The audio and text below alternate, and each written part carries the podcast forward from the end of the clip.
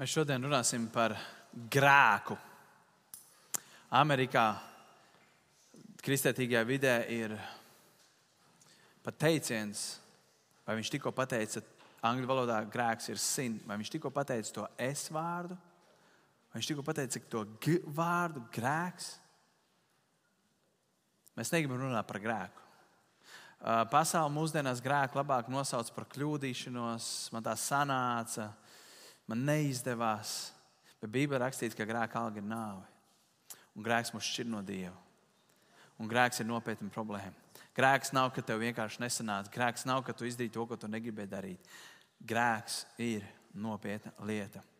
Un par grēku mēs negribam runāt. Mēs daudz labāk runājam par pozitīvām lietām, bet grēks ir kaut kas netīrs. Bībelē rakstīts, ka mūsu, mūsu taisnība pat ir sārņaina, netīra stēps Dieva priekšā.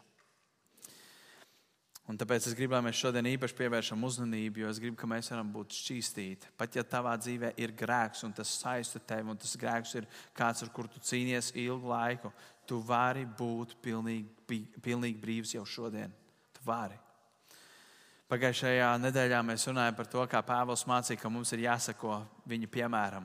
Un šis viņa piemērs bija, kad mēs Pāvils teica, es eju uz dzemdē jaunas ticīgos, un es sludinu un mācu viņiem Dievu vārdu šiem jauniem ticīgiem, un ja tu šīs lietas darīsi, tad ļoti iespējams var sanākt, ka tev būs vajāšanas, ka tev būs grūtības, ka tev uh, nebūs ko ēst, ka tev nebūs ko dzert, ka tu tiksi nicināts un pazemots un tu tiks kājām mīdīts. Par to mēs runājam pagājušajā reizē.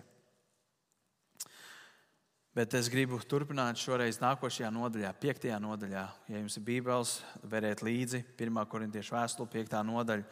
Un es izlasīšu šajā brīdī tikai pirmo pāntu. Un Pāvils saka, stāsta par netiklību. Grieķu vārds porneja. Stāsta par porneju jūsu starpā un vēl par tādu porneju, kāda nav sastopama pat pagānu starpā, pat neticīgo starpā. Tur kāds dzīvo ar savu tēvu sievu. Šis vārds porneja oriģināli apzīmē tikai to cilvēku, kurš iet pie prostitūtas. To tas sākotnēji nozīmēja uh, jaunajā derībā, bet pirms tam uh, šim vārdam bija jebkāds seksuāls grēks, kas bija seksuāls grēks, tika pieskaitīts pie pornēja, vai tā būtu homoseksuālisms, seks pirms laulības, vienalga sauc viņus, kurus tu gribi, gejs, lesbietis, viss, viss tas, kas LGBT, viss tas, kas notiek, tas ir grēks. Bībeli to sauc par grēku. Bībeli ļoti skaidri par to runā. Un pirmā romiešu vēstule ļoti skaidri runā, kāpēc pasaule ir tur, kur viņš šobrīd atrodas. Kad cilvēki, geji un lesbietes cīnās par savām tiesībām, kuras viņi sauc par tiesībām, bet Bībeli to sauc par grēku. Un iemesls, kāpēc viņi atrodas tur, kur viņi atrodas, tāpēc, ka um, viņi ir novirzījušies no Dieva un viņi nav atzinuši Dievu. Un tāpēc, ka viņi nav atzinuši Dievu, tur rakstīts, Dievs viņus ir nodevis šai pretzimumu dzīvē. Bet tas nav tāpēc, ka viņi būtu kaut ko vai nezinu, bet viņi nav atzinuši Dievu. Un šeit ir šis vārds. Un Korintas draugs, kas atradās Grieķu laikā, Grieķijā, Viņiem uzskats par seksu bija vienkārši. Tas ir ok, tas ir normāli. Ar jebko, jebkurā brīdī. Kur pretī, tad, kad nāk Jēzus ar savu mācību un kristietība nāk iekšā, tas vairs nav ok. Un tā tiek saukta par seksuālu izvērtību. Taču grieķu kultūrā tas bija pieņemami. Un Pāvils saka, stāst par netiklību jūsu starpā, par tādu, kas nav sastopama pa pagānu starpā. Tur kāds dzīvo ar sava tēva sievu jeb pamāti. Tur tiek lietots šis latviešu teksts, to grūti ieraudzīt, bet patiesībā latviešu teksts diezgan labi to iztulko. Tur rakstīts, tur kāds dzīvo. Grieķu vārds ļoti konkrēti uzsver, ka tas nebija vienas nakts randiņš, aizraušanās, ziņas sanāca, piedzēros, neredzēja, izrādās tā bija tēva sieva. Bet te runa iet, tur kāds dzīvo. Apzināts lēmums, konstanta dzīvošana grēkā. Un te ir rakstīts, kāda nav sastopama pa pagānu starpā. Kāds eh, sens romiešu rakstnieks Cicero raksta, ka šāda veida asinsgrēks bija briesmīgs noziegums un kaut kas nedzirdēts pat pagānu starpā. Kad kāds varētu dzīvot kopā, piekot seksuālas attiecības ar savu tēvu sievu. Arī vecā darība 3. mūzes grāmatā, 18. nodaļā, 8. pāntā brīdina. Un tur ir rakstīts, sava tēva sievas kaunumu tev nebūs atsekt. Tas ir tava tēva kaunums. Un 5. mūzika 27, 20 ir rakstīts, nolādēts, kas guļ pie sava tēva sievas, jo viņš ir atsedzis sava tēva apsegu. Un tur rakstīts, un visa tauta, lai saka, amen. Vecā darbā tā bija tauta, jaunajā darbā tā ir draudz, lai visi draudz saka, amen. Un korintieši, viņš saka, jums vajadzētu sērot par šādu lietu, kas notiek jūsu draudzē, bet jūs ar to lepojaties. Otrais pants. Jūs vēl esat uzpūtušies, ir rakstīts, tur ir oriģinālā valodā lietots vārds, kur pirmā primāra nozīme ir lepns, jeb lepojaties, un jūs vēl lepojaties, kur vajadzētu būt noskumušiem, lai tas, kas to darīs, tiktu izmests no jūsu vidus. Pāvila lielākais šoks un satraukums nebija par šo džeku, par šo vīrieti, kurš bija daļa no draudzes, mīļš brālis, kurš dzīvoja grēko, bet viņa satraukums bija par draugu. Viņš saka, draugi, jums vajadzēja būt noskumušiem, bēdāties, būt satriektiem par to, kāds grēks mīt jūsu draudzē, kāds mēks, uh, grēks mīt tavā dzīvē, bet jūs, jūs lepojaties. Jūs lepojaties. Pāvila aicinājums ir šo grēcinieku, kurš acīm redzami nenožēlo, izmest no draudzes vidas. Es gribu bišķiņ, lai jūs paciešties. Tas nav tā, ka mēs tagad ieraugām vienu grēcinieku, jo jūs varbūt sēžat domājat, bet tas ir var esmu grēcinieks. Jā, mēs līdzi paņemsim tevi, izmetīsim ārā. Vienkārši palieciet, lūdzu, es centīšos izskaidrot. Kāpēc ir šāds cilvēks jāizmet no draudzes vidas, ja viņš acīm redzam nenožēlo savu grēku? Lai pasargātu draudzes šķīstību, lai pasargātu draudzes svētumu, lai draudzene būtu tīra. Bet citi varbūt teiks, bet ir taču otrs variants. Mēs visus varam pieņemt. Mēs pieņemsim vislielākos grēciniekus, un viņi redzēs, kādi mēs esam, viņi mainīsies. Ja tas tā būtu, tad Pāvils um, 7. nodaļā, korintiešu vēstulē, neteikt, lai neieties kopā ar neticīgu cilvēku. Jo kā tu zini, ka tu varēsi atgriezties pēc tam to cilvēku? Tas tā nestrādā. Mēs bieži vien domājam, nē, nē, es, es apprecēšos ar to neticīgo vīru vai to neticīgu sievu, un es viņu pēc tam viņš kļūst ticīgs pēc tam. Pāvils saka, tas tā nestrādā. Nevelc svešu jūgu kopā. Tas pats notiek arī šeit. Nevajag domāt, ja tas cilvēks dzīvo grēkā, viņš to nenožēlo, ka vienkārši mēs pievērsim acis to un mēs teiksim, mēs tevi mīlam, brāl. Lai vai kāds tu esi, mēs tevi mīlam. Jautājums, Kāpēc korintieši draudz to varēja pieļaut? Kāpēc šodien notiek lietas, kad draudzē cilvēks var dzīvot milzīgos grēkos, un viņam nekas par to nav? Pat vēl vairāk viņš tiek pat. Un tur ir viens vārds. Tur ir viens vārds, kurš šodien, tie, kur, kur, kur es gribu, kurš patiesībā es viņu sāku ienīst. Tas ir vārds tolerance. Es skatījos, Google, ko Google latviešu valodā izmet ārā, kas ir tolerants. Tā ir cita individa tiesību uz pašiz, pašizpausmi atzīšana. Tolerants ir viena no mūsdienu demokrātiskās sabiedrības pamatvērtībām. Un otrs latīņu vārds tolerantie nozīmē iecietība pret citu uzskatiem, pret citu ticību, pret citu paražām. Tu dzīvo grēkā, Brāl, es tevi mīlu. Tas nekas, ka tu dzīvo grēkā. Tas nekas, ka grēkā alga nav. Tas nekas, ka tu esi ceļā uz ēlu. Tas nekas, ka tu uh, zaimo Dieva vārdu un Dieva draugu. Bet, zini, mēs jau neesam tie, tiesīgi spriest neviens par otru. Mums jābūt taču tolerantiem. Un, bet tas ir apcīm, pilnīgi pretbībeliski. Tolerants ir tas nav Bībeles vārds, tas vārds ir pilnīgi izņemts ārpus konteksta. Mēs sabiedrībā lietojam toleranci pret gejiem, toleranci pret lesbietēm, toleranci pret uh, vakcinētiem, nevakcinētiem. Bet Bībele mums māca, kādai ir jābūt mūsu nostājai par grēku. Un, ziniet, no vienas puses gribās jau, nav, nav baigi patīkami runāt un teikt, sliktas lietas. Jo mēs daudz labprāt dzirdētu, nu, nu, kad ir ok, ka var dzīvot grēkā, vai, ziniet, nav jau tik traki. Un pat ja tu dzīvo tādā grēkā, kā šeit rakstīts, Dievs tevi tik un tā mīl. Bet tas nav tas, uz ko Bībele mūs aicina. Tad, kad Bībele runā par toleranci vai par otru pieņemšanu, es iedošu piemēru, kur mums būtu jāmācās. Žēlsirdīgais samarietis. Tur bija cilvēki, kur pagāja garām mācītāji, priesteri, kristieši, sasistam guļošam cilvēkam, viņi pagāja garām. Un tad gāja kāds samarietis, kurš parādīja viņiem žēlstību, līdzjūtību, pieņēma viņu tāds, kāds viņš bija, sasists, samaksāja par viņu. Tas ir tas, kas mums ir jādara. Nevis jāpieņem otra grēks. Un tāpēc 3. līdz 5. pantam mēs lasām, Pāvils saka, ko mēs darīsim. Kaut gan es miesīgi esmu tālu no jums, bet garā es esmu pie jums. Es it kā klāta būdams, esmu jau nolēmis par to vīrieti, kas, kas tā noziedzies, ka mēs, tas ir jūsu mans gars, mēs sanākam kopā Jēzus Kristus vārdā un viņu nododam ar mūsu kunga Jēzus spēku sātanam, miesas samaitāšanai, lai gars tiktu izglābts tā kunga dienā.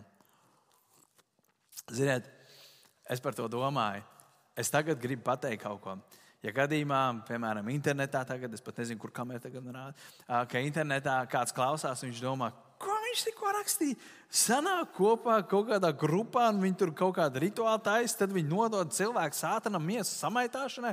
Kas tas vispār notiek? Kādam varbūt liekas, kas tas par sviestu, kaut kāds eksorcisms, trilers, šausmu filmu. Bet es gribu, lai jūs bišķiņi atļaujiet man izskaidrot, ko tas nozīmē. Jūs ieraudziet patiesībā, ka tā ir neāla laba lieta. Citi teiks, bet kā tad ir ar Mateja 7. nodaļu, kur ir rakstīts, netiesājiet, lai jūs netaptu tiesāti, jo ar kādu mēru tu mērīsi, tā tev atmērīs, un, un ko tu redzi skarbā brāļa acīs, bet bāļi savā acī neredz. Tajā nodaļā konteksts ir liekulība, liekulīga tiesāšana.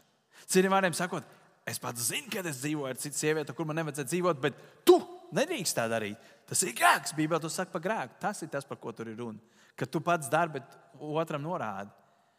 Bet ir taču jābūt cilvēkiem, draudzē, kuri ir. Kur, Mēs neviens neesam svēti, ok? To es uzreiz gribu pateikt. Es neesmu svēts, es klūpu un krītu un es grēkoju tieši tāpat kā ik viens no jums.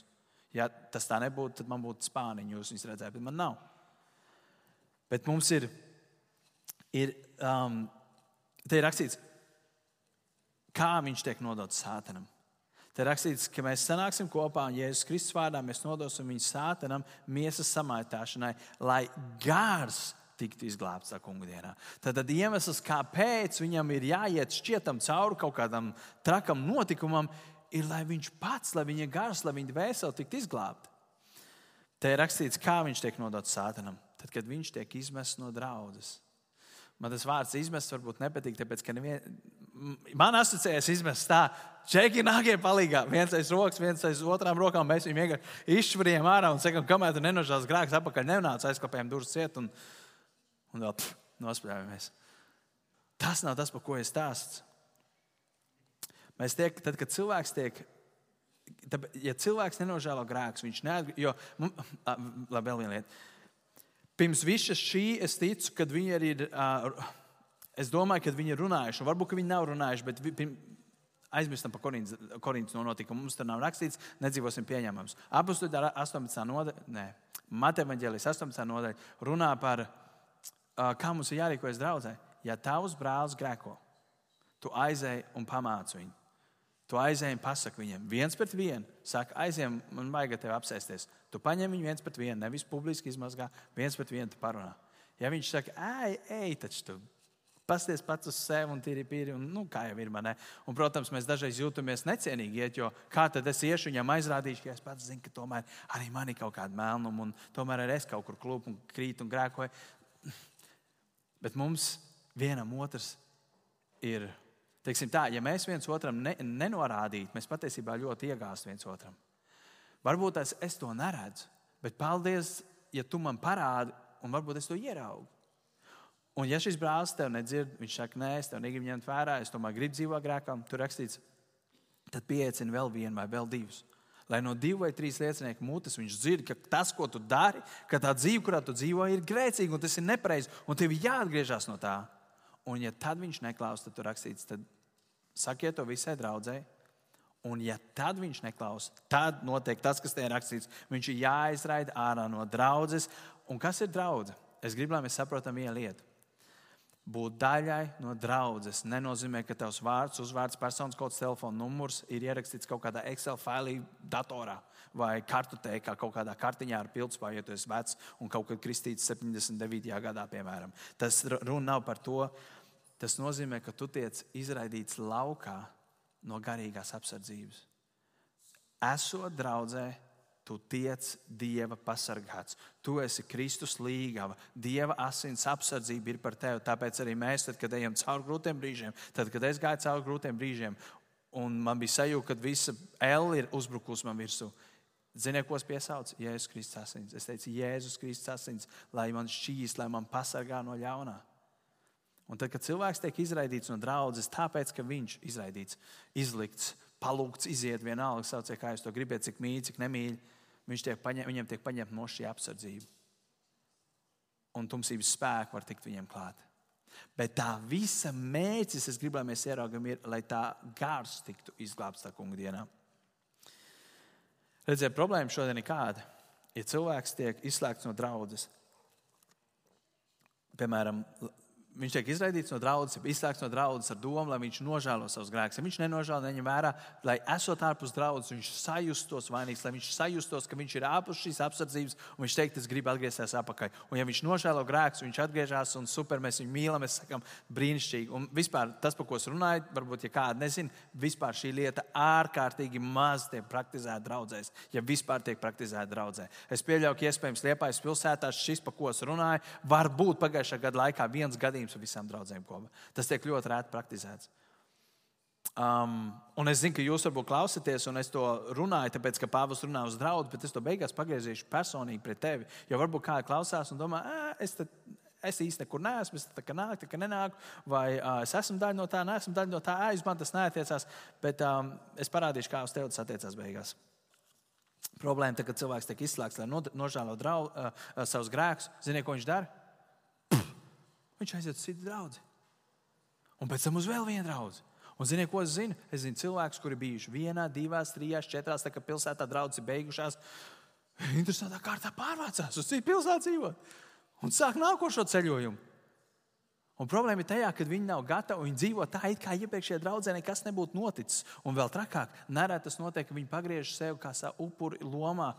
Redz, kā tā draudzene man izdarīja, Un tad viņš, protams, pastāsta savu pusi, un tie domā, jā, tā gan briesmīgi draudz, jā, nu nāc, mēs tevi pieņemsim. Viņš turpina dzīvot grēkā.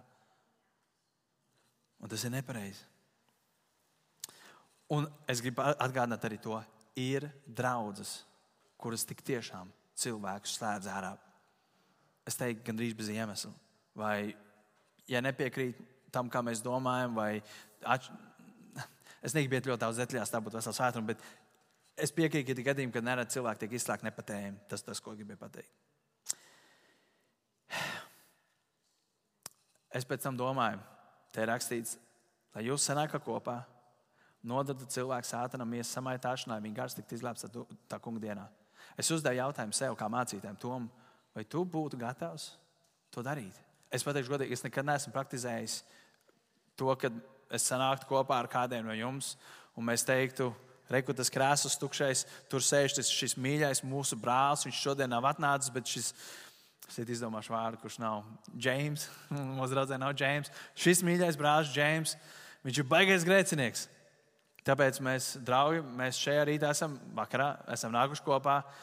Lai šī to brāli, James, kurš šodien nav, protams, ka viņš nav, kur tad viņš citur ir grēko noteikti, lai šī to James nodot sātanam Mēs samaitāšanai mēs paceļam rokas un sakām, jā, kungs, ņem viņu, atdodam sātanam, lai visi zina, ēlu pret viņu. Es nezinu, kā tas ir. Bet vienkārši es tā vienkārši priekš sevis domāju, es būtu gatavs to darīt.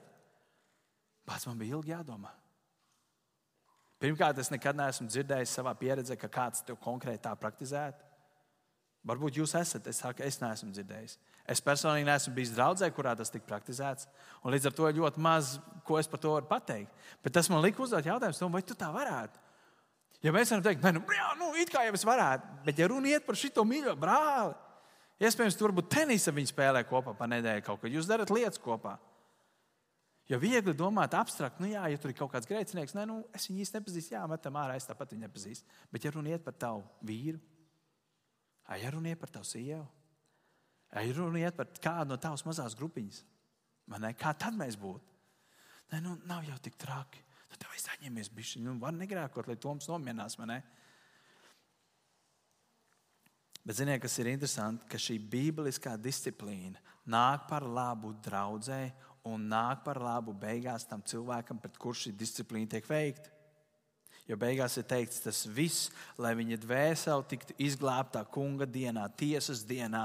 Bet tas var nozīmēt ciešanas, tas var nozīmēt fiziskas sāpes un mocības šim cilvēkam. Tas var nozīmēt, ka viņam jāiet cauri briesmīgam brīdim savā dzīvē. Bet es varu pateikt vienu lietu. Ja Dievs bija gatavs sūtīt savu dēlu Jēzu Kristu krusta nāvē, lai samaksātu par taviem grēkiem, tad viņš noteikti būs gatavs sūtīt mūsu cauri. Ja tā var teikt dzīvai Ellei, bet tā nevar teikt, tas būtu Bībeles nepareizi. Bet mocībām, ciešanām lai tevi vest atpakaļ pie Dieva, pie grēka nožēlas. Ziniet, mums kā kristiešiem visu dzīvi, klausieties, visu dzīvi būs cīņa ar mūsu grēcīgo miesu. Visu dzīvi. Tas nebūs tā, ka pienāks kaut kāds brīdis, kad es skatos uz mūsu sirmiem brāliem, kuriem ir uh, sirmi mati, kur var teikt, ir kaut ko dzīvē piedzīvojuši, ka viņi var teikt, nē, nu, jūs tur melnmatainie vēl jums vēl jāpadzīvo, es jau esmu tāds negrēcīgs. Tā nav. Tāds brīdis nekad nepienāks. Kad mēs varēsim pateikt, mēs esam bezgrēcīgi. Mums visu cīņu, dzīvi būs cīņa ar miesu, jo kaut arī vecais cilvēks ir mīlis un ticis krustā, sist romiešos 6,6 ir rakstīts, jo mēs saprotam, ka mūsu vecais cilvēks ir ticis līdzi krustā sists lai tiktu iznīcināta grēkam pakļautā miesa un lai mēs vairs nekalpotu grēkam.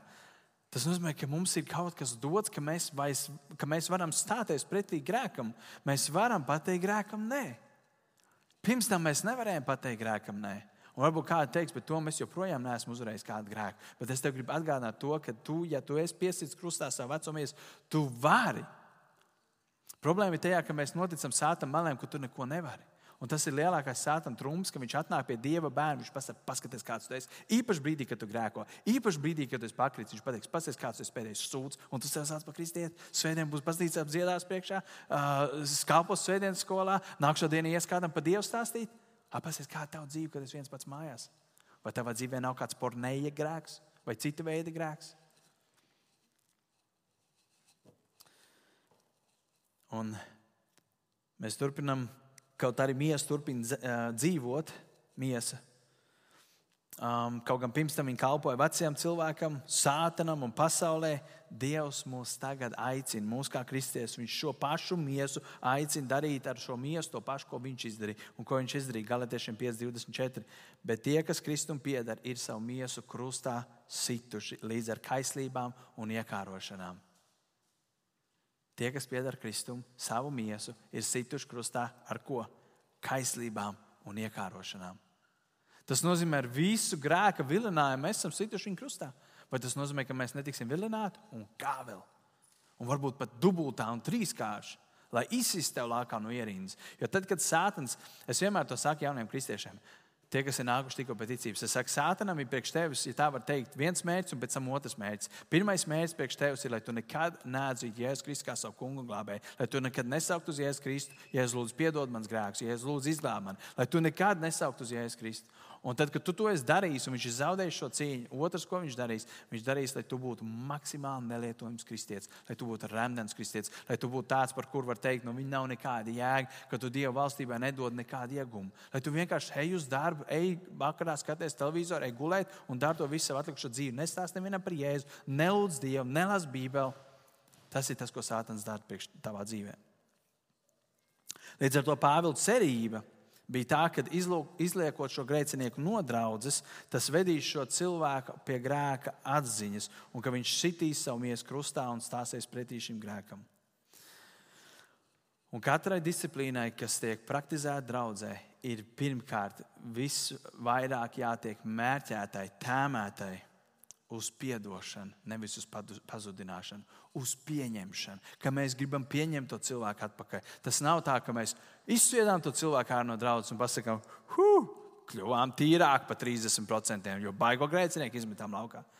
Mūsu lūgšanai būtu tajā brīdī, kad viņš vēl gaisā lido ārā, būtu jābūt, ka mēs esam uz ceļiem un lūdzam, lai Dieva gars viņu salauž, un viņš nāk atpakaļ grēku nožēlā un var tikt atjaunots un būt daļa no mūsu draudzes. Mums ir jābūt tiem, kas pieņem, piedod, atjauno, nevis vienkārši izmet laukā un pazudina cilvēkus. Jo Dievs nav nācis, Jēzus nav nācis, lai pasaules ar viņu tik pazudinātu, bet glābt.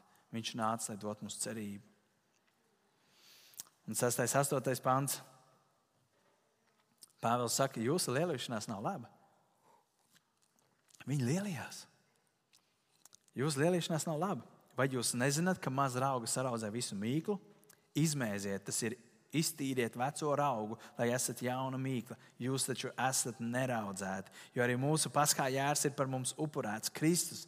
Tad nu svinēsim svētkus ne ar veco augu, ne ar ļaunumu, netikumības augu, bet ar skaidrības un patiesības neraudzētajām maizēm.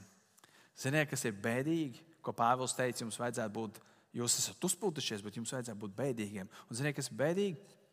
Jūsu lielīšanās nav labi. Viņi lielījās.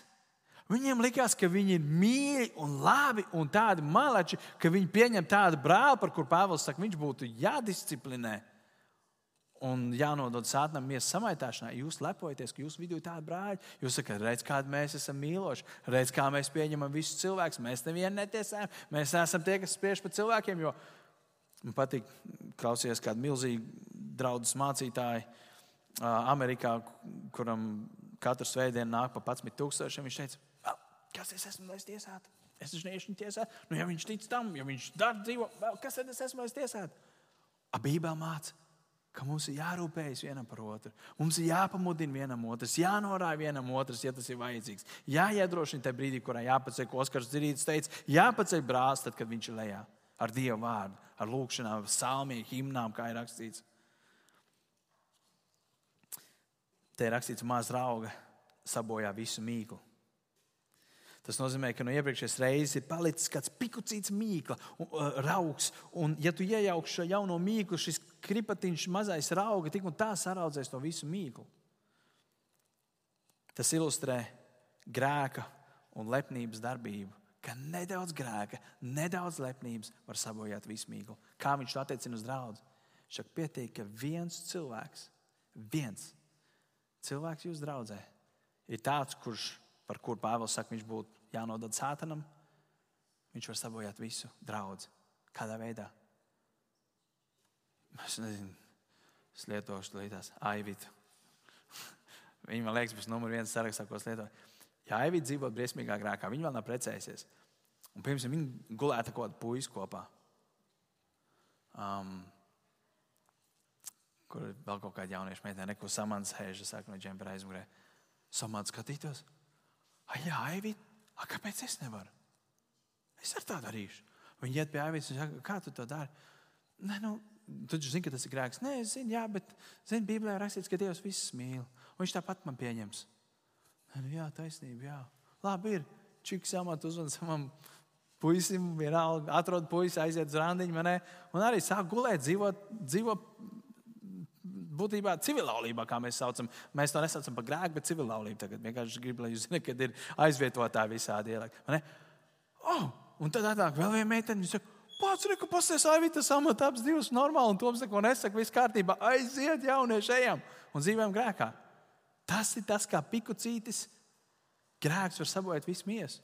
Tas ir tas, kā, un godīgi sakot,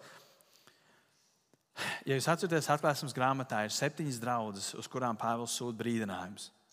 Ziniet, kas ir interesanti? Es nezinu, vismaz cik es pētīju, neviena no tām draudzēm šodien vairs nepastāv. Neviena. Bet katrai draudzē viņš teica, ja tu neatgriezīsies, ja tu nebeigsi darīt šo lietu, tad tev, es paņemšu tavu spīdekli no tevis, es tev paņemšu nost, es tev izspļaušu no savas mutes. Ko viņš katram teica? Es varu secināt to, ka bija lietas, kuras šī draudzene neņēma vērā, ka rezultātā tās draudzes šodien ir tur, kur viņas ir, jeb respektīvi viņas nav. Mēs varam teikt, super, mēs esam auguši draudzē, aiziet, mēs mainām lokācijas ik pa mēnesim, baigi stilīgi. Bet ja mēs ielaidīsim pikucīt grēku savā draudzē, viņš ir augs un uzrūks un uzrūks un uzrūks. Un notiks tas, kas šodien bieži vien notiek. Draudz beidz pastāvēt. Cilvēki pārstāja nākt pa visu pasauli. Es saku, es runāju ar mūsu mācītāju Skotu Amerikā. Viņš pat ir, ir vesela kalpošana. Tulsas pilsētā, Amerikā. Viņi ir izveidojuši no visām konfesijām tādu kopīgu tīklu, ka no gandrīz katras konfesijas, bet normālās konfesijas ne jau tur visas tur mormoņas neņem, protams.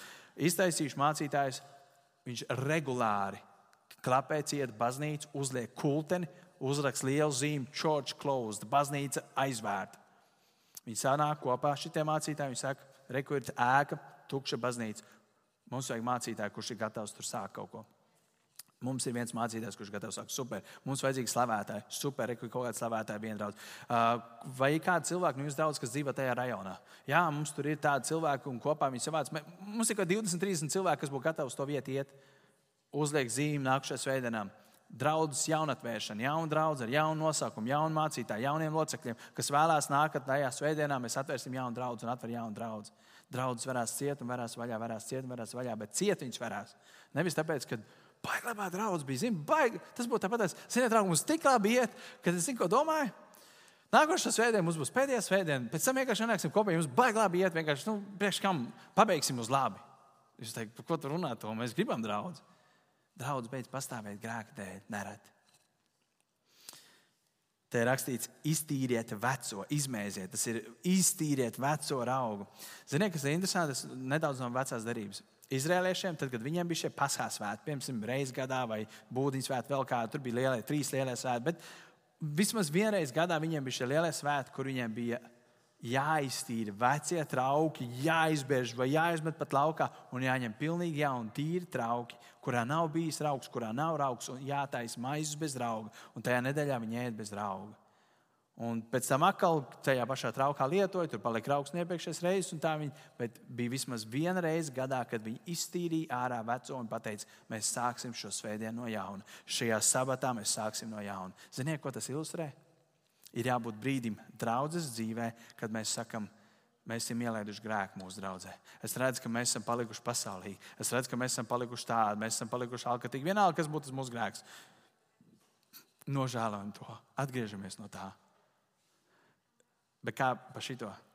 A kā būtu, ja mums būtu posms dzīvē, kad reizes mēnesī, reizes nedēļā, reizes dienā vai reizes gadā apskatīties uz savu dzīvi?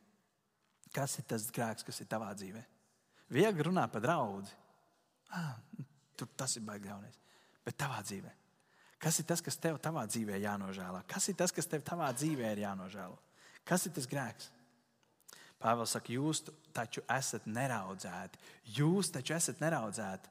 Citiem vārdiem sakot, esi tas, kas tu esi. Un kas tu esi? Ko Bībele saka, kas tu esi? Tu esi atpirkts, tu esi taisnots. Tu esi Dieva īpašums, tu esi Dieva radījums, tu esi Dieva tauta. Esi, kas tu esi. Tev vairs nav jādzīvo grēkā, jo tu esi šķīstīts, tu esi darīts jauns, un viss, kas bijis, viss ir pagājis. Kā ir mūsu kristietībā? Kas ir kristietības grēki, kas ir jāaizmet? Kā ir mūsu draudzē? Kas ir tie grēki, kas mums no mūsu draudzes ir jāizmet laukā? Pa centra draudzes runāju. Un kas ir tie grēki tavā dzīvē, kas tev ir jāizmet laukā? Un tu zini. Bet tagad pie beigām es gribu parunāt konkrēti par vienu grēku su, um, sugu, nezinu, šķirni, porneja. Pornēja, nu kā nāk vārds pornogrāfija, nebija jābūt ļoti gudram. Es domāju, es savu dzīvi gribu redzēt tīri no grēkiem. Es domāju, arī tu gribi redzēt savu dzīvi, ka tā būtu tīra no grēkiem. Seks ir domāts tikai starp vīrieti un sievieti, kuri dzīvo kopā un ir slēguši darīt Dievu priekšā, ka viņi ir vīrs un sieva. Un vecā darbā seks bija tas, kad viņi apstiprināja to solījumu derību. Šodien es jau teicu, nē, nē mēs nedzīvojam grēkā, mēs dzīvojam civillaulībā. Pat uh, oficiāls jēdziens ir. Mēs nosaucam citos vārdos. Bet seksa mērķis, es gribu pateikt, divu. Un, un, un Viss cits, kas ir ārpus tā, ir grēks. Visas grēks, kas ir saistīts ar pornēju, pornogrāfiju, masturbāciju, iekāre, vispārējie grēki, homoseksuāls, biseksuālisms, un tur varētu saukt sālisms, sālisms, ālisms. Visi izņemot seksu starp vīru un sievu, ir grēks. Patīk tev tas vai nepatīk, tas ir tas, ko Bībele saka. Gribi tu tā vai negribi, es vienkārši saku, kā tas ir. Un Dievs to ienīst.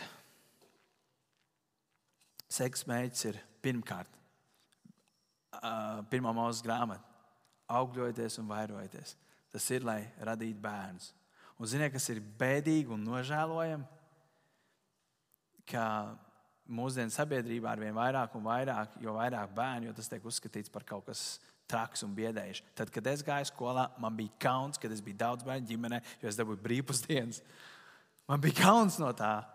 Es prieks man ir vismaz, ka tagad ir mainījušies. Es tagad, kad jaunieši runā, viņi priecīgi brīvpusdienu talons dabū pa vēl tēdiem. Manā laikā tas bija apkaunojuši, jo tu nāc no daudz bērnu ģimenes un visticamāk tev nebija naudas.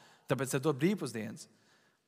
Un nereti uz to skatījās kā uz kaut ko briesmīgu, bet, ja mēs skatīsimies uz Bībeles laikiem, daudz bērni bija tā kunga svētī. Man patīk, man bija Dārvids atsūtījis un svētu, un es klausījos. Un viņš teica, ja, mācītājs, viens mālais aizmirst, kā viņam bija vārds, bet viņš vienkārši teica, man, Ienāks cilvēks vai sieva ar daudz bērniem, un visi pirkstiem rādīs un norādīs uz tevi. Viņš teiks, pacieties, pacieties, patur tur iekšā un paskaties, kas notiks. Tad, kad viņi būs lieli un tev būs 50 mazbērni. Visiem teviem septiņiem vai desmit bērniem būs 50 mazbērni un stāvēs. Tev būs vienkārši čūp, un tad tā sieviete rādīs tev pirkstu. Nē, viņa pat acis nepacels uz tevi.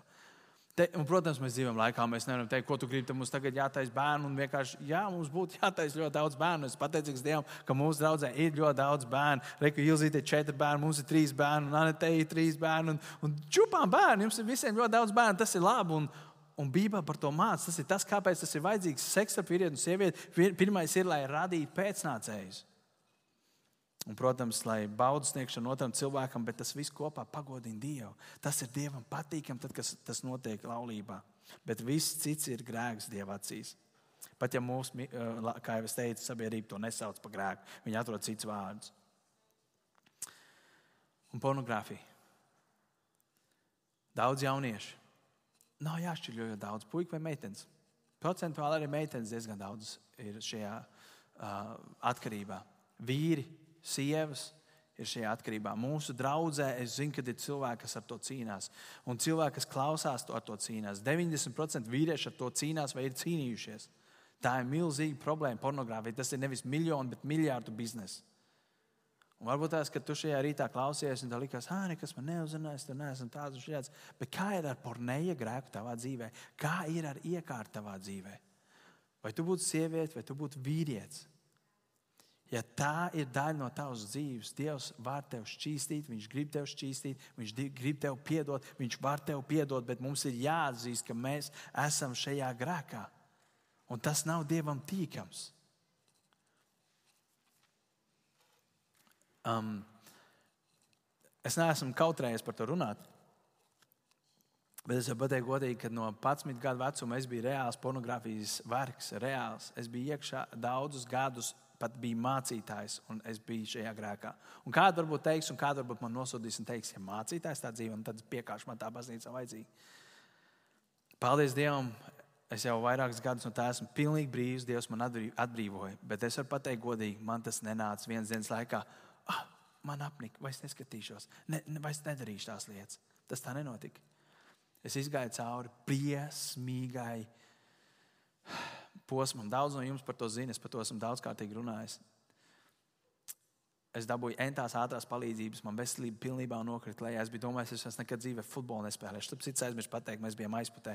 Uh, sestdien, piekdien mēs svinējām mūsu tentu draugu, vinēja futbola turnīru. No deviņām komandām pirmā vieta, gribēju piebilst. Uh, bet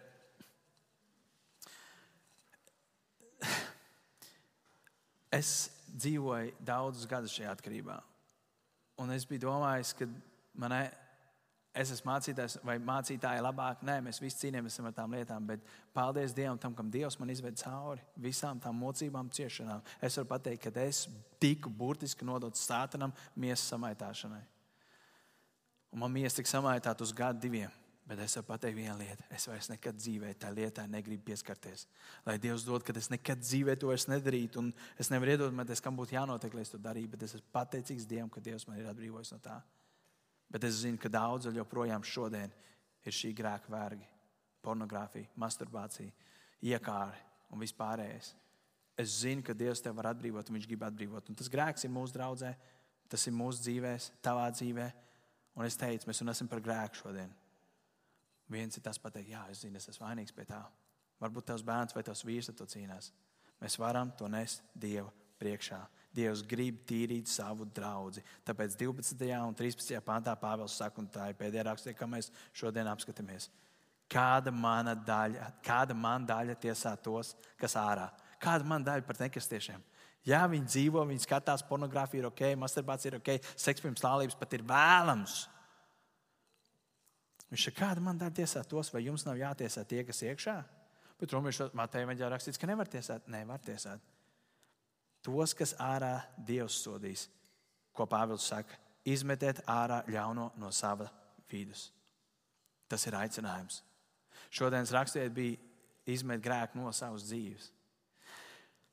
Šī raksturvieta būtu varbūt tās jāsudina man un uz mani un uz mūsu draugu komandu. Un jāsaka, hei, vai mūsu draudzē nav kāds grēks, kur mēs apzināmies. Bet es šodien gribu pavērst to pret tevi un teikt, vai tavā dzīvē ir kāds grēks, kur Dievs tev teikt, Pāvils tev teikt, izmet grēku ārā no savas vidas. Vai ir kāds grēks tavā dzīvē, par kuru tu zini, ka tev viņš būtu jāizmet no tavas dzīves? Vai tu zini, vai tu vari nosaukt? Un, ja tu vari nosaukt, neuztraucies pagaidām par to, bet es nevaru to tikt galā. Es esmu daudz gadus ar to cīnījies. Aizmirst par to uz šo brīdi. Bet atzīst šajā brīdī, vai tev ir grēks, viens, divi, trīs, kurus tu vari nosaukt, kurus zini, ka tev viņš būtu jāizmet ārā no ļaunā. Jo mēs neredz skatāmies pasauli, sakam, bet ja viņi var, kāpēc es tā nevaru? Mēs esam Dieva templis. Dieva tauta, Dieva īpašums, atpirkts, svētīts, šķīstīts, un mūsu dzīvēm būtu jābūt atšķirīgām no tā, kāda ir pasaule. Lai tas nozīmē cīnīties 10 gadus, 20 gadus, 30 gadus, bet Dievs ir apsolījis, ka mēs to uzvarēsim. Mēs uzvarēsim. Dieva spēkā mēs varam uzvarēt jebkuru grēku, ar kuru tu šajā brīdī cīnies. Jā, mēs šorīt koncentrējamies uz porneja grēku, bet ir daudz citu grēku, kuriem varbūt tās cīnās, dažādas atkarības. Pāvila aicinājums bija izmest grēcīgo ārā no savas vidas, no tavas personīgās dzīves. Noslēgumā es gribu teikt, ka varbūt tu šajā rītā sēdē un klausies un saki, es, es, es nezinu, es nepazīstu Jēzu. Es nezinu, kur es nonākšu, jo grē, Bībelē rakstīts, ka grēka alga ir nāve, mūžīgā nāve, pazudināšana. Un, ja tu turpinās dzīvot tādu dzīvi, kādu dzīvo, tad no, noies ēlas ugunīs, un tur tu nekad netiks laukā. Tu cietīs un cietīs, un cietīs. Un es atkārtošu, Jēzus Kristus nav nācis, lai mūs pazudinātu. Viņš nav nācis, lai pateiktu to, pasies to, kāds tu esi. Pasies san, kā tu esi, pasies zan, kā tu esi. Raiman, pasies, kāds tu esi. Dievs nav nācis, lai mūs norādītu pirkstu un norādītu mūsu grēku. Svētais gars ir nācis, lai atklātu mūsu grēku. Viņš parādīja, pateikt, skaties, tas nav labi, tas man sāp, tas tev nenāk par labu. Nožēlo to nes to Dievu priekšā. Izsūdz šos grēkus, un ja tu vēl nekad neesi devis savu dzīvi Jēzum Kristum, un tev nav miers, tu nezini, kur tu nonāksi, kad tu nomirsi. Tu vari šodien saukt uz Dievu un teikt, Jēzus Kristus, lūdzu, izglāb mani. Ja es negribu vairs tā dzīvot, es nespēju tā dzīvot, man apnicis tā dzīvot, es negribu dzīvot dzīvi, kur es jūtos, ka es esmu grēka vergs. Es neteiktu no tā vai tā vaļā, lūdzu, Jēzu, izglāb mani. Un ja tu no visas sirds lūgsi, tad Viņš tev šodien pat piedos. Un tu vari šodien par tām durvīm, pa kurām tu ienāc, iziet 100 kg vieglāks. Tu vari lidot. Jo tu zini, ka tas brīvs, tu tiks darīts